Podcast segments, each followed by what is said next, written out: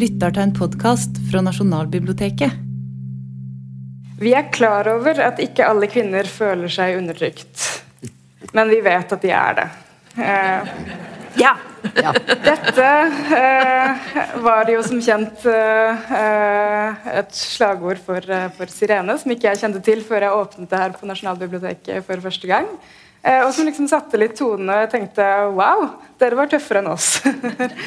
eh, og jeg prøvde å se for meg hvordan det ville blitt mottatt i dag hvis man fortalte sine medfeminister at dere er eh, undertrykte, men vet uh, egentlig ikke. Mulig individualismen står sterkere i dag. Men ganske friskt fraspark.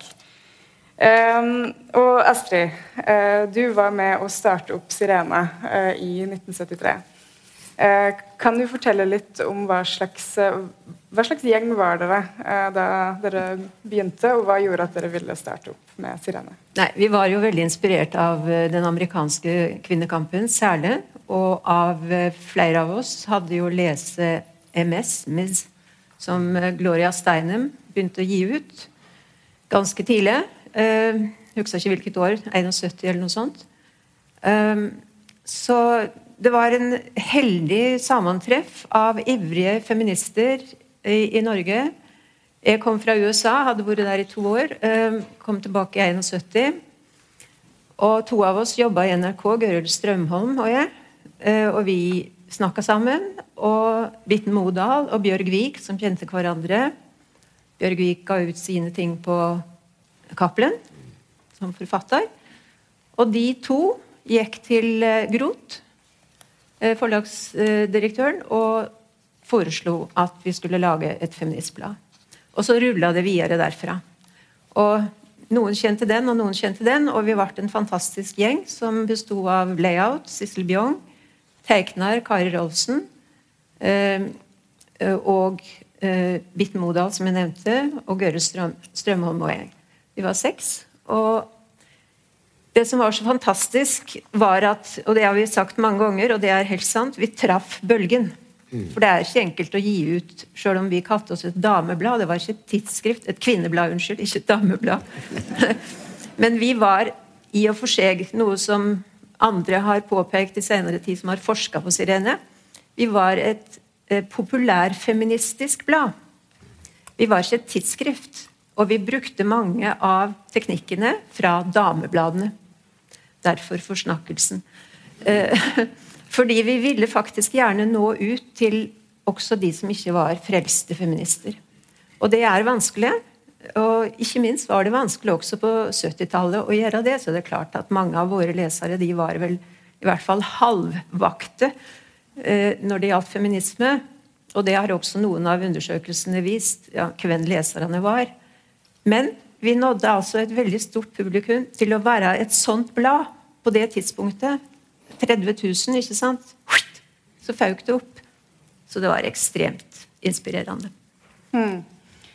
Og nå er jo forsiden på den første utgaven uh, her oppe. Uh, her er den igjen med uh, lederen. Og her er vi vel også fra det første prøvenummeret eh, i, i 73. Um, hva slags respons fikk dere på dette første nummeret med Liv Ullmann og uh, den undertrykte Liv Ullmann?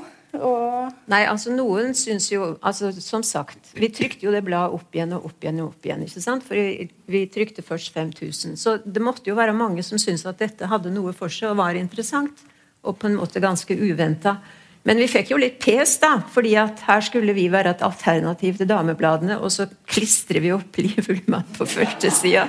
Så det var jo igjen, da, og den diskusjonen kan vi kanskje komme til her, fordi at det er jo forskere nå i dag som sier at pass opp, feminister. Ikke vær for kritiske overfor f.eks. Skam, eller i den forstand Sirene den gangen. Altså, det er ingen rett lære. Og hvis du når ut med viktige diskusjoner, så er kanskje det viktigere enn å ha den rette læra. Og det tror jeg vi i Sirene sto for. Ja, det var jo det viktigste for oss. Vi skulle jo være et blad som kunne, alle kunne lese. Mm. Og det viser seg at det var veldig mange som ikke hadde blitt vekt opp av feministbevegelsen og Joe Freeman osv., men som likevel ble veldig interessert, kanskje nettopp fordi at man kunne ha noe, en kvinne som Liv Ullmann på forsiden. Ja. Jeg tror at det var veldig viktig Ja. å legge vekt på akkurat uh, det at du kunne ha appell til et bredt lag av kvinner. Så dere hadde en bevisst tanke om hva slags publikum dere ville nå ut til. Eh, hva slags type eh, Vi skal se litt ha med noen eksempler på hva slags type stoff eh, dere dekket, men hva slags, eh, hva slags stoff ville dere ha med? Du, vi var jo egentlig et kampanjeblad, sant? og jeg vil gjerne vise fram den forsida der. Jeg syns det var et av de beste bladene vi laga. Eh, Ida Lo Larsen kom jo inn i, i redaksjonen i, i 1974. Fast ansatt. Eh, så dette er jo et felles produkt som Ida Lo og jeg har vært med på. Og dette er et kjempegodt nummer om alt som skjer i samband med abort i Norge på det tidspunktet. Aud Blegen Svindland, fantastisk dame i den sammenhengen. Hun burde få en bauta. Eh, og så var vi veldig stolte over at vi klarte å lage lange lister av leger du ikke burde nærme deg hvis du ville søke om abort. Da måtte du gjennom en nemnd den gangen, ikke sant? Side opp og side ned med Aust-Agder, Vest-Agder, Hedmark, Rogaland hadde fryktelig mange leger som du ikke skulle nærme deg. Altså kampanjejournalistikk. Vi jeg kommer litt uh, tilbake til det. Jeg har også med den et sted ute i presentasjonen. Men uh, Hanne, uh, leste du 'Sirene' da det kom? Hva? Nei. Jeg må må jo bare være ærlig. Jeg bodde i Trondheim på det tidspunktet. Flytta fra Trondheim i 80.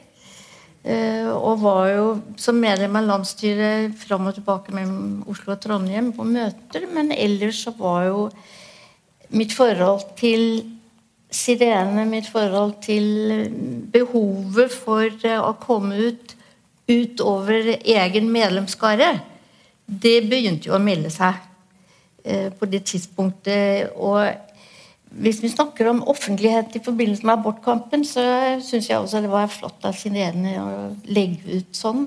Vi andre vi sto på stand, vi samlet underskrifter, vi gikk trappeganger opp og ned og ringte på klokker og lagde demonstrasjonstog i den store offentlighet. Igjen og igjen og igjen. Her sitter noen som var med. Som gikk med transparenter, som malte, som gikk i strittvær. Sånn at vi var jo ute i en offentlighet allerede. Men behovet for, for oss så var behovet for tidsskriftet jo veldig mye knyttet til å komme ut med de sakene som vi mente var svært viktige. Mm. Så sier den lesekretsen var jo Ja, den var kanskje begrenset til de kvinner som Kvinnefronten rakk ut til. Det kan man jo godt tenke seg. Vi var ikke i Narvesen på det tidspunktet. Vi ikke, hadde ikke noe veldig gloret innhold. Profesjonaliteten var på et rimelig lavt nivå. Hvis dere går igjennom gamle kvinnejournaler fra 70-tallet, så var der, der, nå må ikke dere ta det altfor tungt, men mange ble veldig profesjonelle etter hvert. Og gikk inn i redaksjonsrekker etter hvert. Men på 70-tallet var det, da var det de som kunne skrive, så vidt. Da var det de som kunne tegne, så vidt. Da var det Ja, på de tidlige kvinnefront som ble gitt ut i 76, så lyser profesjonaliteten ikke ut av det. Det gjør den ikke. Men viljen til å komme ut med de sakene som Kvinnefronten mente var viktige, den var jo veldig sterk. Det var abortkampen, det var kvinners rett til arbeid, det var eh, altså hverdagen for kvinner i fiskeriet, for kvinner i landbruket, eh, oppsigelsessaker altså, Det var som du sier, altså, det, var, det var ikke propaganda, men det var eh, å komme ut med kampsakene som Kvinnefronten eh, var glødende opptatt av. Og så var det litt sånn Kanskje av og til et dikt. Fint dikt var det. Og en liten novelle eller noe som liksom kunne være litt mer spiselig for en større lesekrets. Men eh, det første nummeret var jo Eller de første numrene var veldig preget av hva man mente var viktig.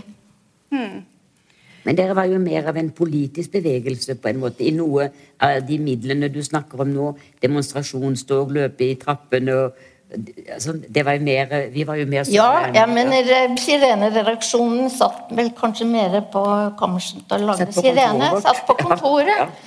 Mens vi andre løp i trapper, eller Nå vet jeg ikke da, Altså, Jeg prøvde å spør, tenke meg om det er noen som kan svare her for sammen. Kan de få lov til det? Nei, det kan de ikke, for de har ikke en sånn Men jeg, jeg tror kanskje ikke er redaksjonen Jeg tror både de sto på stand, og de laget tidsskrift. Ja, det er klart. Det gjorde de. Er det ikke riktig? Kanskje vi skal kartlegge litt. Hvor mange som sitter her, har vært med i Sirene på et eller annet tidspunkt? Ja. Nei, i redaksjonen Redaksjonen, Hvor mange har vært med involvert i Kvinnejournalen eller Kvinnefront? Ja. Det er noen eh, litt større Kvinnefronten-fraksjon. Um, men ja, for dere valgte å opprette deres eget tidsskrift i Ja. 76. Ja. Eh, hvorfor ikke bare bli med i Sirene? Ja, jeg er ikke sikkert at kvinnefrontene syns at Sirene-redaksjonen var eh, der de ville være.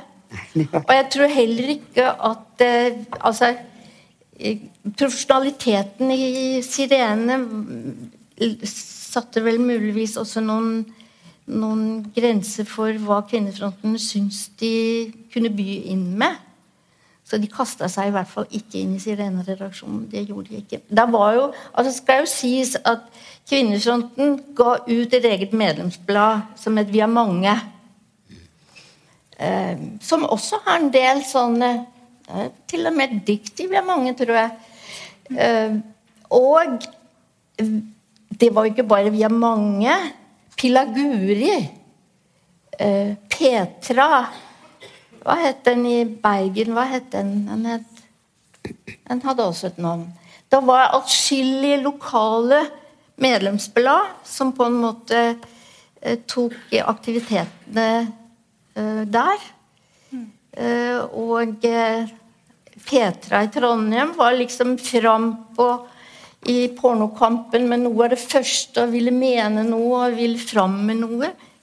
Før vi er mange og liksom la opp til diskusjonene via en slags offentlighet. Og det å være medlem av Kvinnefronten kunne man hvem som helst bli hvis man hadde lyst. Astrid? Ja, jeg har så lyst Du har jo vært redaktør av Kvinnejournalen, som avløste Kvinnefront. ikke sant? Eh, I 82, var det det? Ja. Ja. Kvinnejournalen kom i 82. Og jeg las litt om dette på nettet før dette møtet. Ja. Og jeg merka meg noe som jeg interesserte meg, og som jeg eh, virkelig syns var morsomt. Og det er at vi fikk jo en del pes fordi at vi hadde for mye sex og underliv i Sirene. Det var en evinnelig klage. vi var så opptatt av sex. Eh, og eh, det var jo selvsagt ikke kvinnefront, for all del. Men da Det var klassekamp der mest, vil jeg si. Men i hvert fall, eh, da Kvinnejournalen kom, så ble det litt annerledes. Og eh, et intervju med Kirsti Ingebrigtsson i 1985 eh, Da sier hun at de, de ville starte Kvinnejournalen fordi at Sirene ikke skulle rå grunnen Og så sier hun at de ville også politisere de nære ting. Vi sa det personlige er politisk. De brukte ikke de ordene.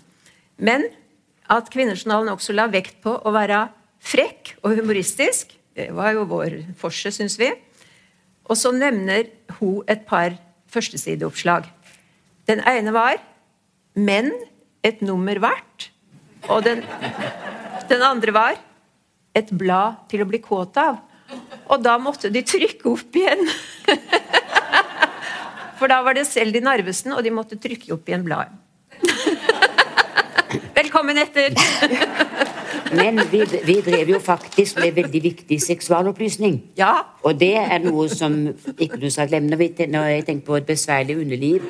En del av de spørsmålene vi fikk inn fra unge kvinner, viste hvor forferdelig lite de visste om kroppen sin. Og der tror jeg at eh, vårt besværlige underliv, og etterpå en god del av de tingene Vi hadde et helt nummer Absolutt. om kvinnelig orgasme, for eksempel, husker jeg. Og så videre. Jeg tror vi, vi hadde en stor betydning for å spre nyttig og viktig kunnskap om, eh, for kvinner. Det var ikke porno, det kan jeg love. Nei, det var det ikke. Og dere fikk også for så vidt god respons på det. Jeg lette frem noe mens dere snakket litt her. Leserne sier sin mening om sirene. Seksualitet og samliv mest interessant. Eh, Men apropos den typen stoff dere ville ha, da dere hadde også en veldig populær eh, eh, spalte om underlivet. Vårt besværlige underliv. En slags folkeopplysningsspalte. Ja, nå snakket du litt om det, men hvor mye ble det snakket om sånt i mainstream-pressen? Om eh, Veldig kvinners uh, eh, eh, underlivslager. særdeles lite. Ja, den gangen, ja. Mm. Absolutt. Men det å være, det å være frampå viste seg jo ganske snart i Kvinnejournalens uh, tid. Uh, man kan her i huset i hvert fall Jeg har mistet num det nummer som det gjaldt. Uh, hvor, hvor redaksjonen hadde ja, Jeg tror de hadde lånt, tror jeg vi skal si, NTB-bilder. um, av alvorlige, betydningsfulle menn. Dem hadde de limt opp på forsida, sånn. Og så var det en sånn bånd henover forsida hvor det sto Jeg har ikke funnet det igjen i mine egne arkiver, men da, jeg tror det sto alle menn kan være potensielle horekunder. Ehm, Det var midt på 80-tallet, så det var rimelig dristig. Og førte selvfølgelig til at vi endte i forliksrådet med NTB, som syntes dette var for grovt. Hvilket det kanskje også var. Var det redaksjonsmedlem som var eh, svigerdatter til fylkesmannen eh, et eller annet sted. Som ikke fikk det veldig hyggelig på søndagsmiddagen heller. Så det, er, det var liksom li- rett over kanten. Men eh, det var jo eh, det, var, det er mye som, som var dristig i Kvinnejournalen på 80-tallet. Her, eh, Det første nummer før den nye redaksjonen trer til, har punkere Ikke bare på forsiden, men også en veldig fin reportasje inni. Eh, lesbiske kommer til syne i Kvinnejournalen. Det er veldig mange forskjellige som på det tidspunktet var rimelig usynliggjort, som kom fram. Sånn at eh, Når man ser tilbake, så tenker man å jøss, var det så dristig? Var det så mye som man allerede hadde framme på det tidspunktet? Ehm, så det er eh, Jeg skulle ønske at noen gikk i gang med å skrive om Kvinnejournalen og doktorere på det, eller noe annet. Så her er det, hvis det er yngre folk her, så vil jeg Fordi veldig hun er misunnelig på Sirene fordi at eh, Ja, jeg mangler, jeg mangler tilsvarende har skrevet doktoravhandling om Sirene, ja. Jeg mangler tilsvarende grundig arbeid på Som en frisk vind gjennom stuen, heter den. Det anbefales. Eh, men hvis vi kan ta et eh, skritt tilbake, for eh, eh, ofte når jeg snakker med folk om fett, så snakker vi om ja, hva slags tidligere feministiske tidsskrifter fantes det. Men selve feministbegrepet har jo ikke vært brukt av eh, alle hele tiden. Eh, kalte Eller når begynte dere, hvis på noe tidspunkt, å kalle dere feminister, eller bruke feministbegrepet? Da snakker du nå om bladet, eller snakker du om personlig? Litt begge deler. Først, eh, Vi kan ta personlig, kanskje. Nei, som jeg sa, jeg var jo i USA fra 69 til 71 og tok en master der borte. Og da var det feminist veldig bevisst. Og kalte meg feminist når jeg kom tilbake til Norge. Så, og i Sirene så var vi alle feminister. Absolutt fra starten. Ingen tvil. Ja, det er jeg nok enig i. Jeg ble jo vekket til feminismen da jeg leste Simone de Beauvoir som 25-åring, og det forandret hele min innstilling til eh, kvinnesak, for så vidt. Og jeg, men jeg tror nok heller jeg var feminist enn kvinnesakskvinne, selv om ja, det, det var noe med begrepet som lå langt mer Ja, i tiden stemmer. for oss den gangen. Ja. Stemmer det. Ja, jeg vet ikke Jeg tror sånn det sniker, altså ordbruk sniker seg jo inn etter hvert. Og eh, Jeg tror veldig mange kvinnefrontere vil forandre både egen hverdag og kvinners hverdag, og var glødende opptatt av det. Om, om de ville kalle seg feminister, var vel mer et sånn eh, sjangerspørsmål enn det var en, en reelt innhold. Og man kan vel kanskje også si at, at eh, selv om Kvinnejournalredaksjonens første nummer handlet om menn, eller om mannen, så var det jo ja, De første numrene av Kvinnefront inneholdt jo bl.a. Eh, et av de veldig tidlige numrene inneholder en liten reportasje. Jeg husker ikke om det er Berit Moland som har skrevet den, eller en annen Hanne Skaulen.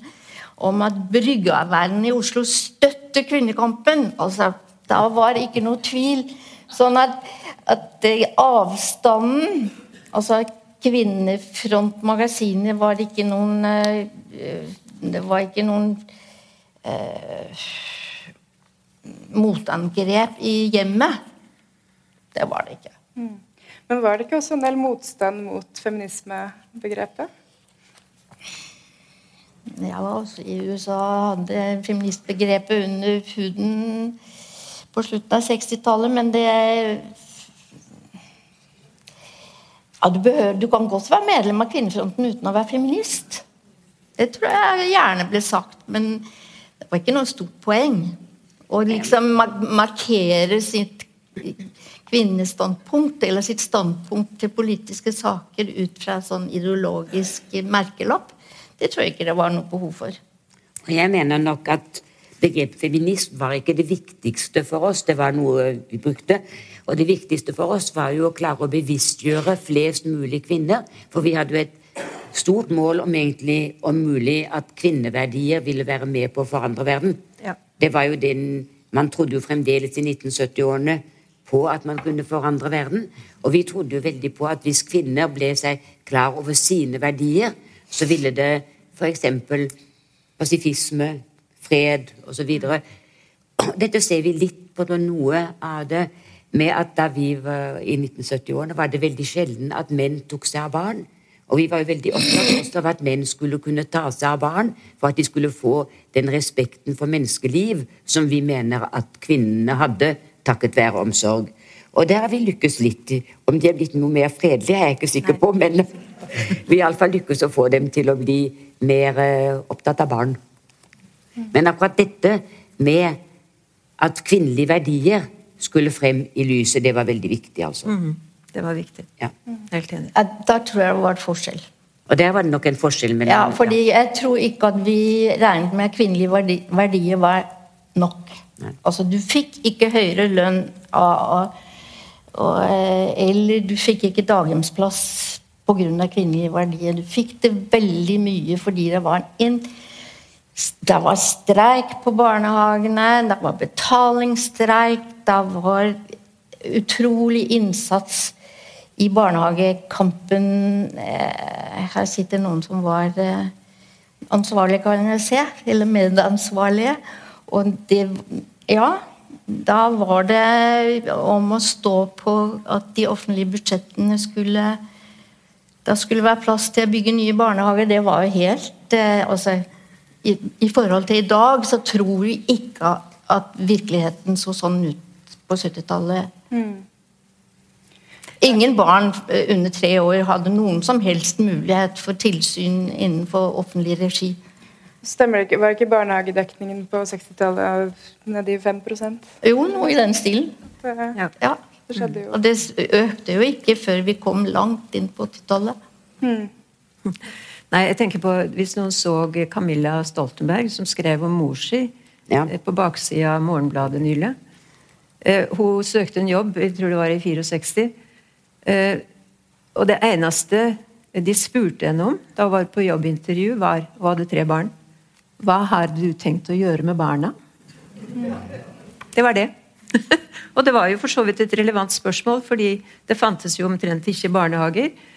Eh, og kort sagt, situasjonen var jo så totalt forskjellig også ut, utover 70-tallet at vi kan nesten ikke forestille oss det. Hva skulle du gjøre av barna? Mm. Og det var noe som slo meg da jeg begynte å, å lese 'Sirene' nå i, egentlig i, i, fjor. For det som kanskje var bevisstgjøring eh, på den tiden, er også en slags historisk eh, folkeopplysning i dag. da. Uh, at Det var jo mange uh, kvinner som skrev inn. Sant? At dere fikk uh, veldig mange lesebrev og folk som ville dele av egne erfaringer.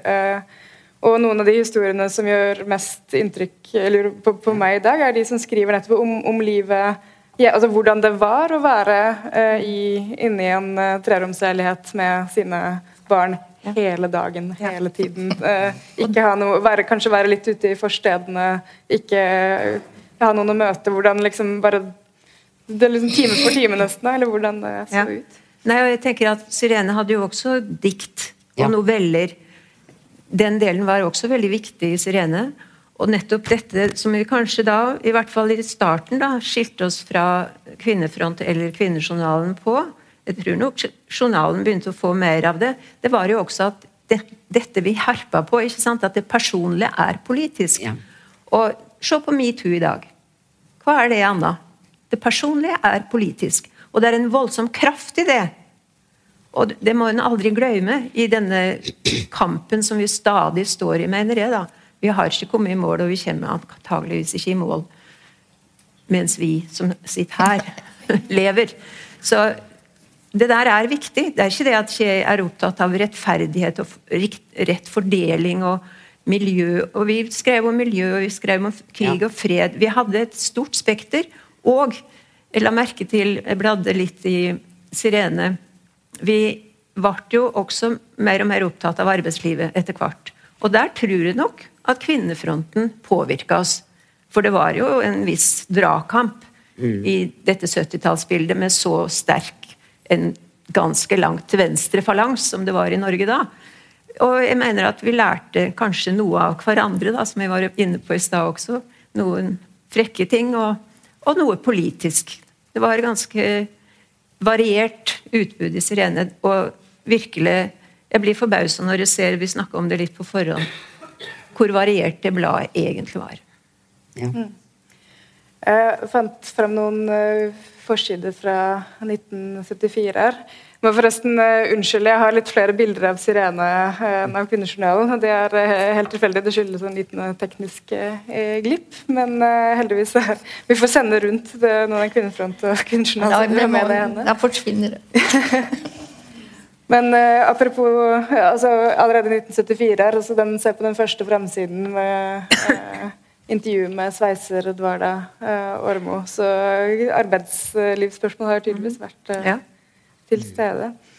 Men uh, uten å uh, altså Jeg skal jo ikke overdrive liksom, polariseringen eller konfliktene innad i kvinnebevegelsen, for det er jo en øvelse som mange, mange liker å, å, å, gjøre. Å sette kvinner og feminister opp mot hverandre.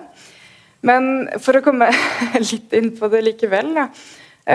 dette med at det personlige er politisk, var det et kontroversielt slagord på den tiden?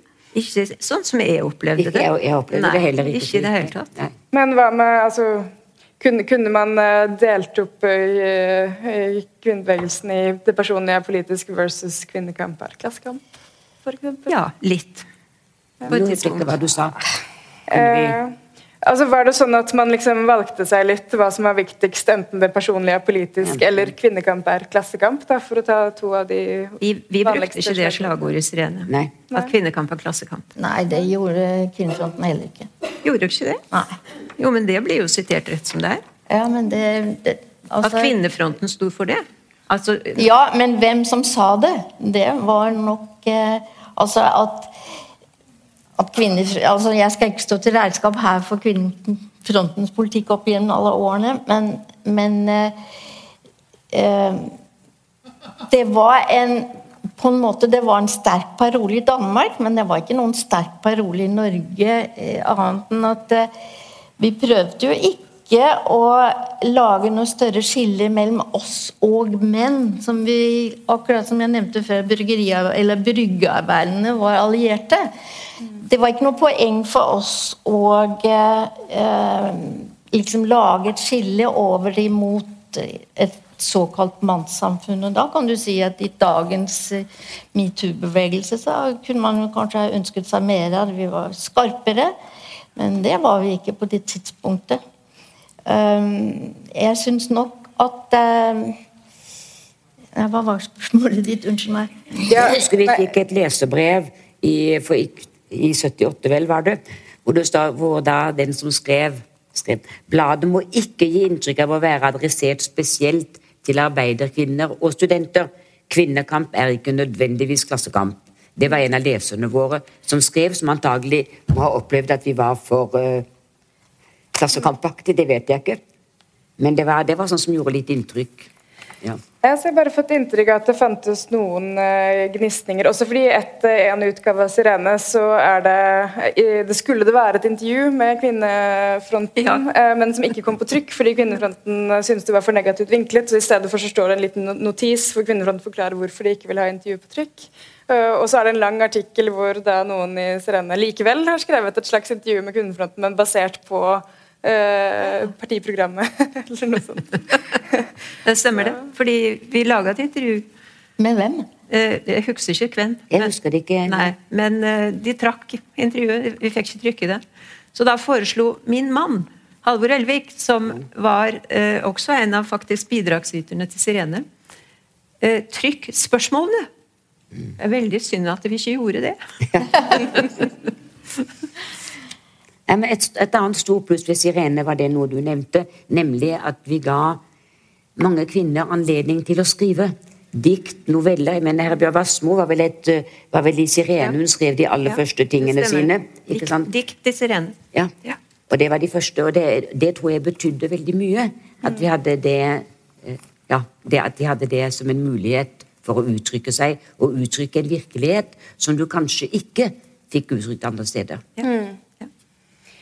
Uh, vi, vi, har uh, trykket en uh, artikkel av Wenche Myhleisen i siste nummer av Fett, hvor hun bl.a. nevner et Kvinnefronten-møte hun var på en gang, hvor det var snakket om at Nei, ikke, ikke, ikke et Kvinnefronten-møte, men et AKP-ML-møte. Hvor det ble, annet ble snakket om at orgasmer det fikk komme etter revolusjonen. Eller at når, når, når, bare revolusjonen kom, så ville orgasmene komme, komme etterpå. Og det var Wenche Myhleisen litt uenig i, da. Var hun enig? Men, men, fantes det Hvordan var det eh, For dette tror jeg er mer ukjent for de altså yngre generasjonene med feminister. Men, men var det et stort press for å uh, underlegge kvinnekampen klassekampen? Nei.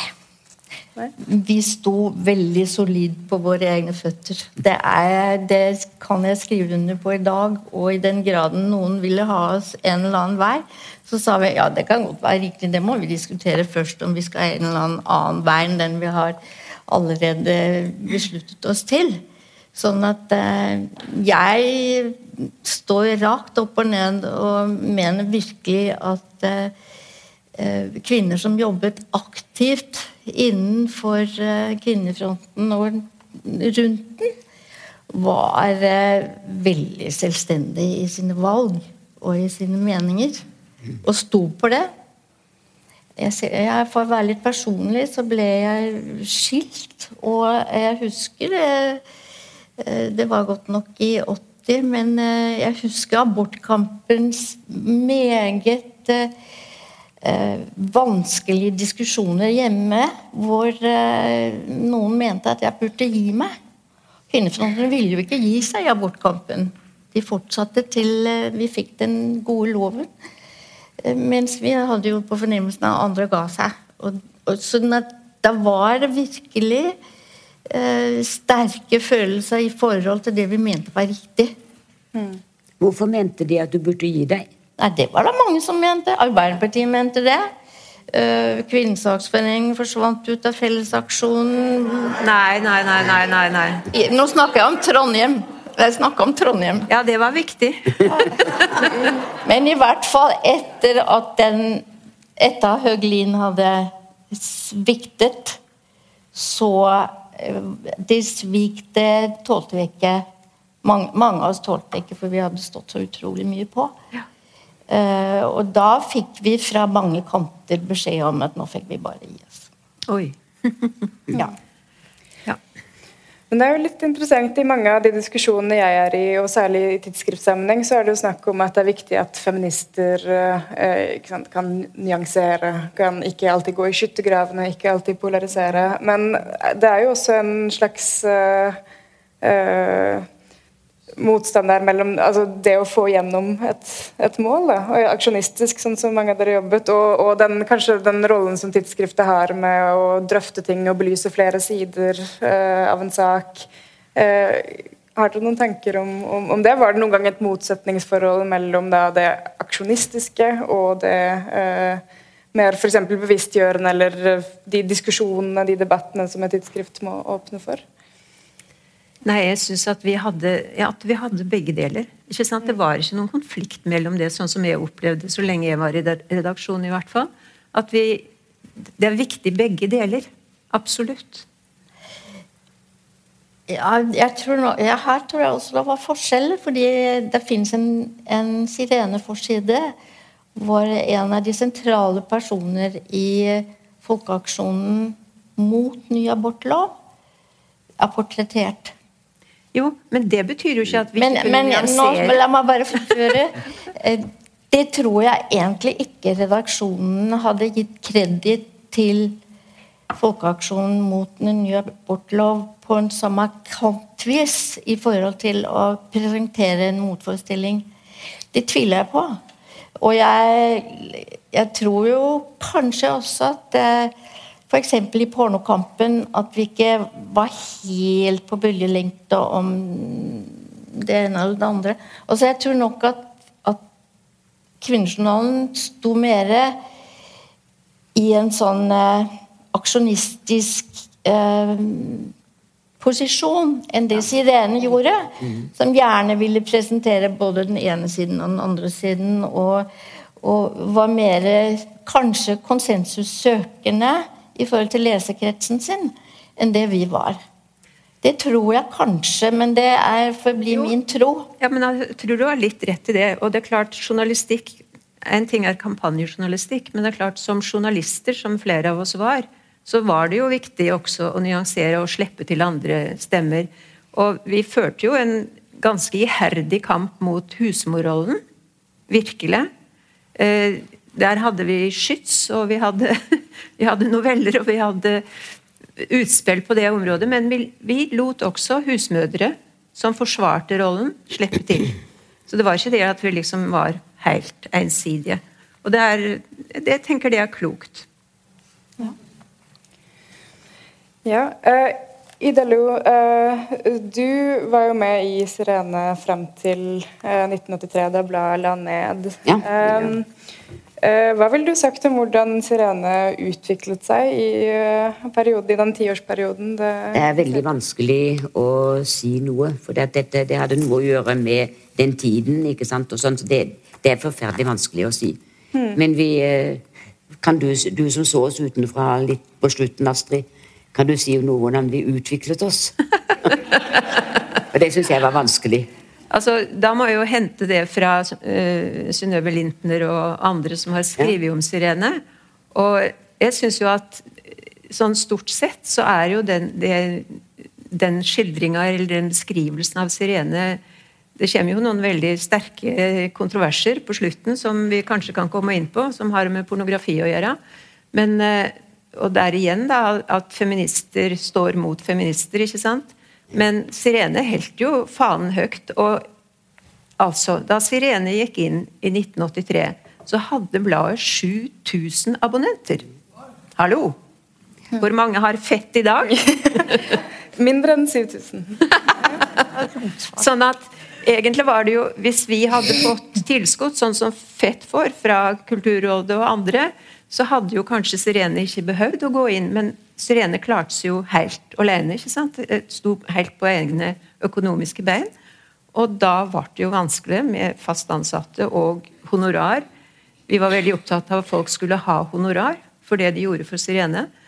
Så ble det for vanskelig. Og det er klart situasjonen var en helt annen på 80-tallet, men Kvinnejournalen de blomstra jo videre. Så det skal dere ha honnør for. Men vi hadde jo også der et slags politisk utgangspunkt, i og med at vi var en flat struktur ingen skulle være sjef, eller alle var like. Alle fikk samme lønn, som var ganske lav for oss som arbeidet der, mens for alle de som skrev, skulle få lønn efter det som var tariff. Det var veldig viktig for oss. Det var jo også et politisk prinsipp i og for seg, altså. Ja. Så vi hadde en god del politiske eh, utgangspunkt. På, vi var jo alle på en måte til venstre, selv om vi ikke Jeg tror ingen ville vært Fremskrittspartitilhengere av redaksjonen der, altså. Og det er klart at På slutten så var det den, både den, den debatten med, porno, med altså den, hele den debatten om pornografi ble viktig. For det at vi følte at da pornografi ble liksom det aller viktigste som kvinner skulle kjempe mot, mens vi mente at bildet var langt mer nyansert, at det fantes viktigere saker som vi skulle kjempe for. Og det var vel det som var noe av grunnlaget til at vi ble så uenige.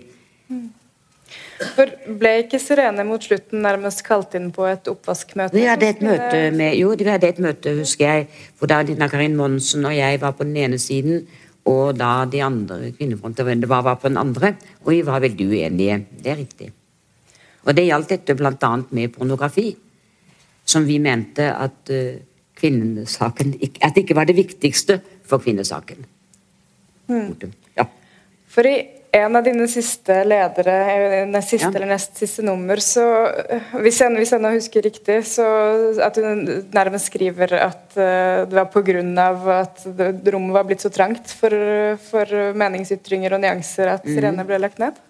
Er- Stemmer det, eller har det På en måte gjør det nok kanskje det. For det at, øh, når du sier at det var, det, det var ikke det som var grunnen til at vi gikk inn, men vi følte kanskje at noe av tiden var gått fra oss på en øh, måte. At noe av det vi sto for, vi, at, at det var veldig vanskelig å få den samme vekten bak uh, våre meninger. Og kanskje nettopp fordi vi følte da at Kvinnefronten og det Kvinnejournalen, eller hva den het den gangen, tok større plass. ikke sant? Og som vi, Det begynte jo med kvinneåret, hvor da i 1975 Var det ikke det kvinneåret var? Jo. Hvor da, det var da vi mistet abonnenter for alvor. For da var jo hele pressen stadig full av sånn eh, kvinne, såkalt kvinnesak. ikke sant? Så kvinneåret var det Det var en veldig bra ting at man hadde det, men det var veldig uheldig for oss. Vi klarte aldri å gjenvinne vi klarte aldri å gjenvinne alle de vi tapte den gangen. Ja, klart, Feminismens formål jo, er jo til en viss grad å avskaffe seg selv. eh, Eller behovet for seg selv. Men eh, jeg bare synes det er litt interessant dette med altså, hvor stort skal rommet være for, mening, for uenighet og meningsmangfold innad i kvinnebevegelsen. Da. For der finnes det jo ulike posisjoner. og så Skal man samle seg bak de viktige sakene man skal kjempe for, eller er det rom for å eh, ha ulike synspunkter og Altså Du ser jo hver gang før 8. mars så er det jo en stor diskusjon om hva som skal være ja. hovedparoler i, i toget. Og det syns jeg er helt sunt. Jeg syns en skal diskuteres så fillende fyk. Jeg, altså jeg har alltid mislikt dette at Og det var et veldig press på 70-tallet. eh, at vi skulle være enige. Eh, alle har hørt 'kvinne, kvinne' først. Og med en gang vi ikke var enige, og viste utad at vi ikke var det, så kom den beskyldninga. Ja. Og det, det var sånn splitt og hersk-taktikk fra omverdenen veldig raskt hvis ikke kvinnene var enige.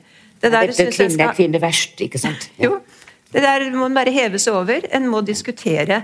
Og jeg ser Jeg, bladde litt i noen gamle nummer før dette møtet. Og, jeg, jeg, og det har jo litt med det vi var inne på i stad. Altså at det er ikke ei rett lære. Og det var en leder tydeligvis hadde i samband med dette intervjuet som vi ikke fikk til med med Kvinnefronten. Og det, der sukker jeg og skriver en leder Vi lager organisasjoner der det blir lavt under taket, der det blir viktig å kunne spille. Og det var jo noe vi var ganske opptatt av. Altså at politikk er spill. Og det, det skrev vi en del om i Sirene, tok sterkt avstand fra.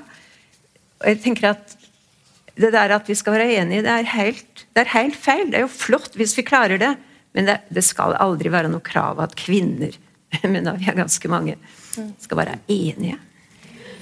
Men kan feminismen bli for utvannet hvis man uh, kan mene hva som helst? Og hvis man kan være ja, en uh, historie med å praktisere tortur og bli, få viktige posisjoner i amerikanske regjeringen, eller Altså, Kvinnesjournalen har jo en, en, en historie hvor på et tidspunkt så var det en redaksjon som gikk. Rett og slett. Noen få ble igjen. Og var, Årsaken var jo at redaksjonen hadde produsert et nummer hvor, eh, hvor prostitusjonen på en måte var synliggjort eh, gjennom fotografi som var eh, ja, skaffet til veie på måter som ikke var eh, ja, kanskje etisk så forsvarlig som det burde ha vært. Eh, og hvor det ble store baller. og det var etter en periode hvor denne her fine redaksjonen som kom etter dette her Ja, den ble mindre den, ble, den, var ikke så veldig stor. Noen gikk ut av forskjellige grunner, og så kom det egentlig en periode hvor det var noen unge journalistkvinner på Klassekampens redaksjon som var kjempeuenige med hva man drev med der. Så kasta de seg inn i Kvinnejournalens redaksjon, og det var jo tillatt, selvfølgelig. Da kom nye krefter, og de produserte dette nummeret, og like raskt så sklei de ut igjen fordi det Da ble det for lavt under taket hvis ikke de kunne få lov til det. Pluss at eh, resten av ja, kvinnefrontene ville ikke selge det, Narvesen ville ikke ha det. Eh, ja, det var ganske stor turbulens. Sånn at eh, det å reetablere en var jo en slags eh, Ja, det var ikke så lett heller. Vi hadde, vi hadde jo faktisk ikke eh, betalte redaktører utover to korte perioder. Tove Andreassen var redaktør i en kort periode. Ville veldig gjerne frigjøre Kvinnejournalen fra Kvinnefronten. Hvilket ville ha betydd at man gikk inn. fordi det var jo Kvinnefronten som bar det ut til kvinner i landet og var kommisjonær. Og så etter henne kom Kjersti Grotmol, som heller ikke helt kunne finne ut at vi ikke hadde så god økonomi som hun syntes vi burde ha. Men i hvert fall så har det jo vært båret så skal jeg ikke uttale meg om fett, men Kvinnejournalen ble jo båret av frivillige krefter i en helt utrolig grad. I tillegg så var det en slags eh, romslighet. Vi hadde eh, unge kvinner på kontoret som eh, var sånn på kanten av å være uføretrygdet eh, og gjerne ville gjøre noe. Og fikk oppgave, en liten oppgave, en litt større oppgave. Til slutt tok seg ferdig med videregående, tok seg utdanning, kom ut i, i arbeidslivet. Sånn at det var et, et, stort innslag, et ganske stort innslag av mange som på en måte fikk, gikk fra små oppgaver til store oppgaver, til å bli skrivende, eh, til å komme seg videre. Så eh, Kvinnejournalen har fostret veldig mange utover eh, liksom de som på en måte Også det er riktig Jeg syns at vi skal være veldig stolte av at vi har holdt det gående. Det hadde ikke vært mulig hvis ikke kvinnefronterne rundt i landet hadde solgt Kvinnejournalen og Kvinnefronten. Mm. For det var ikke starta på forlag. Det var ikke Narvesen som liksom tok inn de mange eksemplarer Sånn at det var en forskjell mellom oss som var veldig tydelig, og som jeg tror er så, såpass interessant at jeg skulle ønske noen grande litt i det, men som også er, tror jeg, grunnlaget for at Kvinnejournalen levde så lenge og gikk over til å bli sett. Og vi rekrutterte veldig bevisst, vi som var hadde hvitt hår og grått hår. Vi rekrutterte veldig bevisst de nye, unge medlemmer til redaksjonen. Vi gikk rett på dem. Vi tenkte, Her er en som kan skrive, som er Vi drikker en kopp kaffe og spør om ikke hun vil være med. Så det var ikke liksom en gruppe, litt sånn som Sirene, som var en redaksjon ganske fasttømret i en periode. Det var ikke det, men det var en slags utvikling. Det har vært en slags eh, fantastisk utvikling. Og vi fikk jo Kulturrådets midler. Mm, hva kan det ha vært? Tidlig på 90-tallet eller til og med på 80-tallet. Vi søkte og fikk. Søkte hvert år og fikk.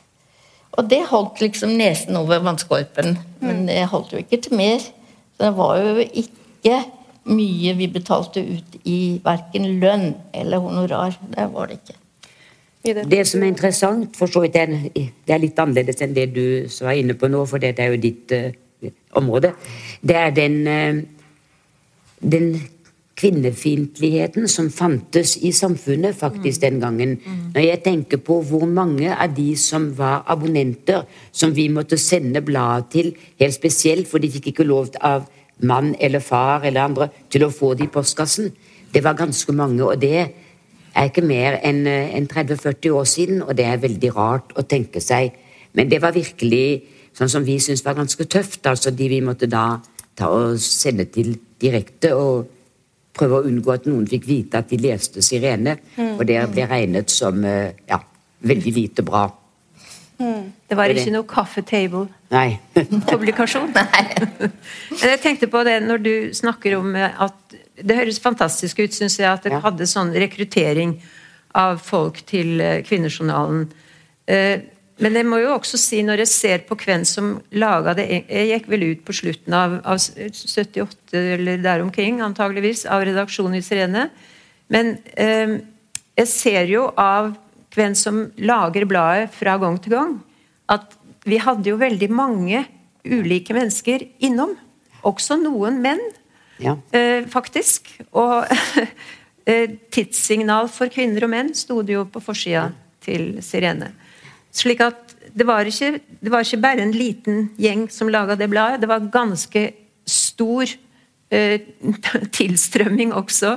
Vi rekrutterte folk. Vi hadde et styre, og der hadde vi også Else Bugge Fogner, f.eks.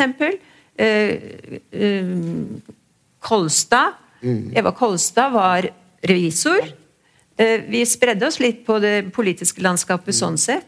Så vi, vi, hadde veldig mange som på en måte hadde en eller annen tilknytning eller jobba for bladet gjennom tiden. Det er veldig viktig at du påpeker, for det er riktig når jeg tenker på at når vi laget et blad, så hadde vi jo veldig mange vi snakket med og rådførte oss med osv.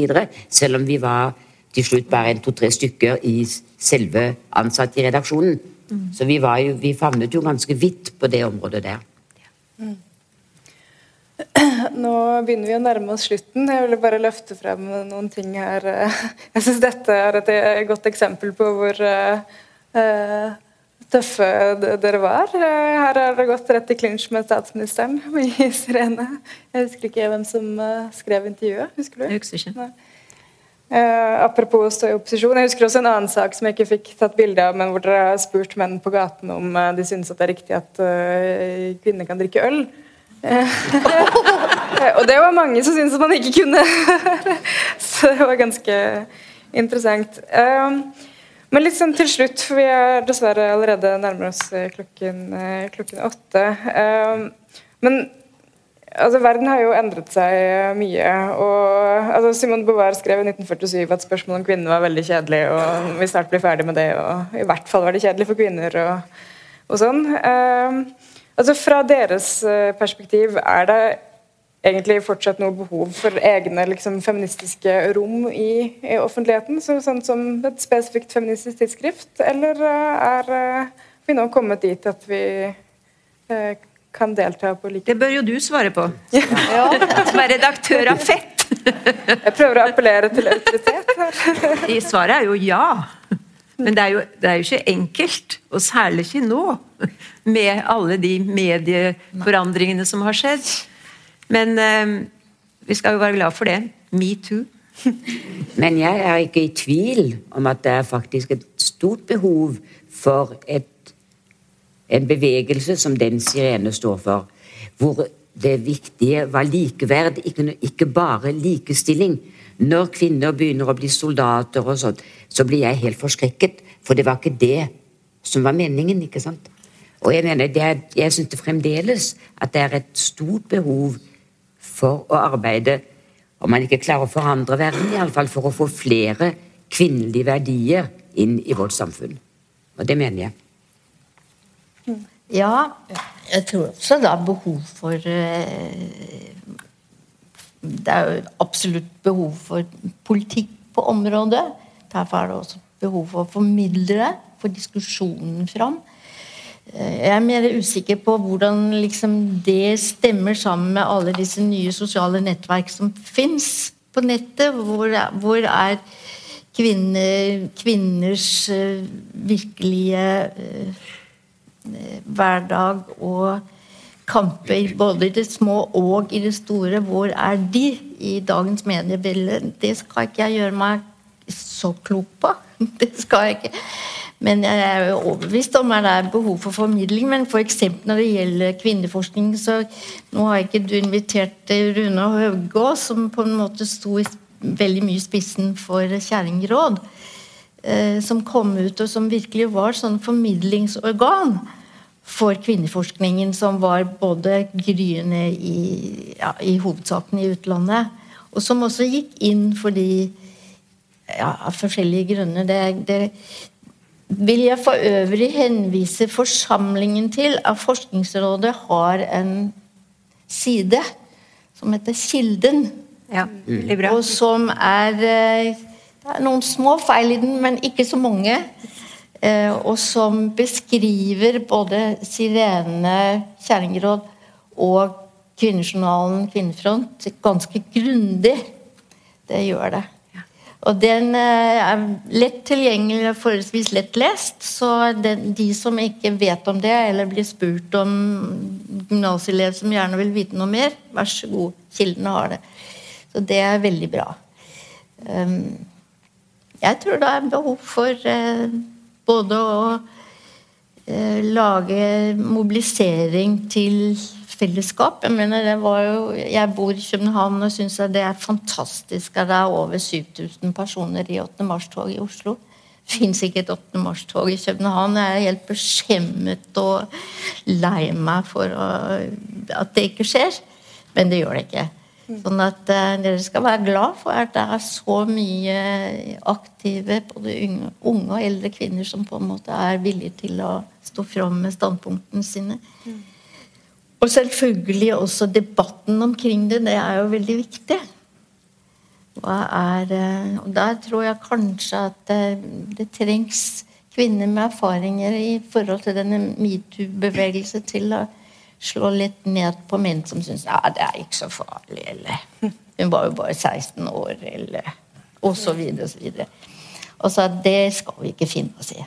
Jeg ønsker meg veldig at, at det er stor oppmerksomhet omkring det. For øvrig alle de saker som kommer opp, som er viktige. Mm.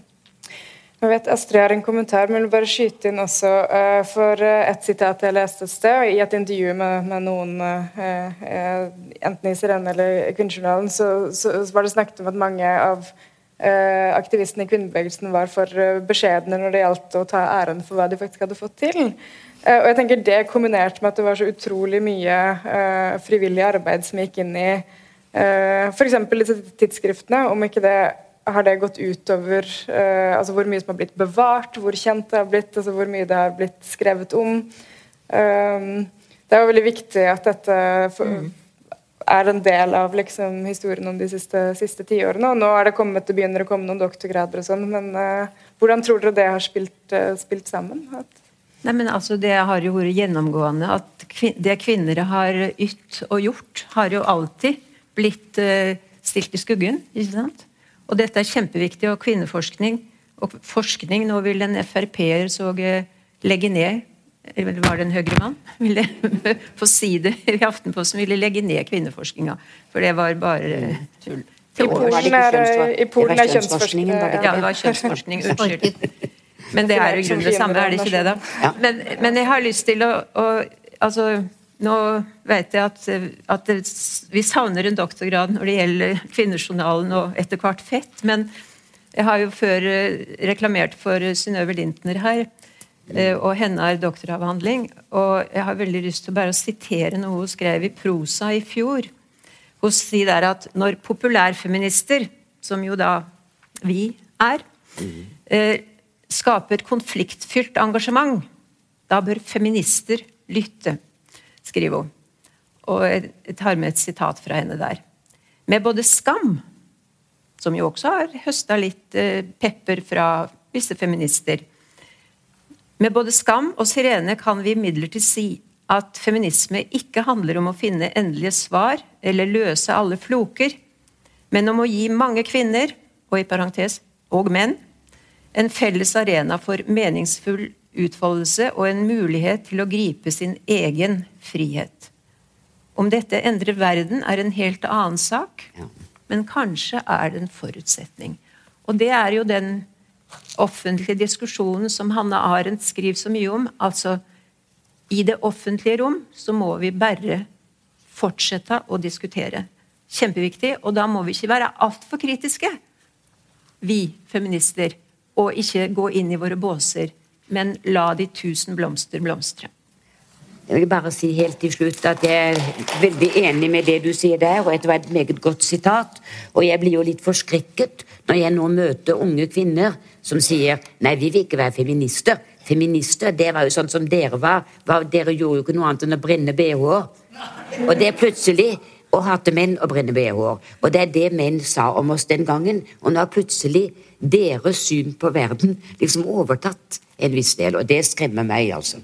Ja. Og nå har det nok kanskje svingt litt i en annen retning. Eh, I vårt eh, Nå har jo feminist, ja. altså feminisme fått et utrolig oppsving de siste årene. Og i vårt siste nummer, som det er helt tilfeldig at det er så kjønnsstereotypt rosa, det er fordi ja. det handler om utopier, så diskuterer vi om det er et problem om eh, feminisme har blitt for populær. så, I god uh, selvpiskende tradisjon, om det egentlig har blitt for utvannet, og om vi egentlig kan få til noe nå som alle skal kalle seg feminist og ha det på T-skjortene sine. og sånn. Så, men eh, ikke, så det er mange av de yngre, opplever jeg, som er jeg møtte akkurat i en debatt i forrige uke en kjønnsforsker da, som hadde opplevd akkurat det samme. At unge kvinner hos ham sa nei. Feminister, nei. Og det var da for en uke siden. Ja.